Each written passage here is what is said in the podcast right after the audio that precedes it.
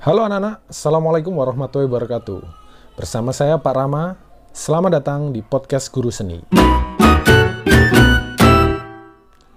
Saya merupakan salah seorang guru seni budaya di Jombang yang mengajar di SMAN Bandar Gedung Mulyo Jombang.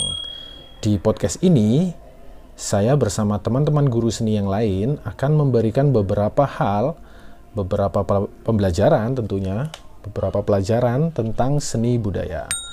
Ada empat cabang seni yang akan kita pelajari secara umum, di antaranya seni rupa, seni musik, seni tari, dan seni teater. Oke, tidak usah berlama-lama, yuk simak podcastnya.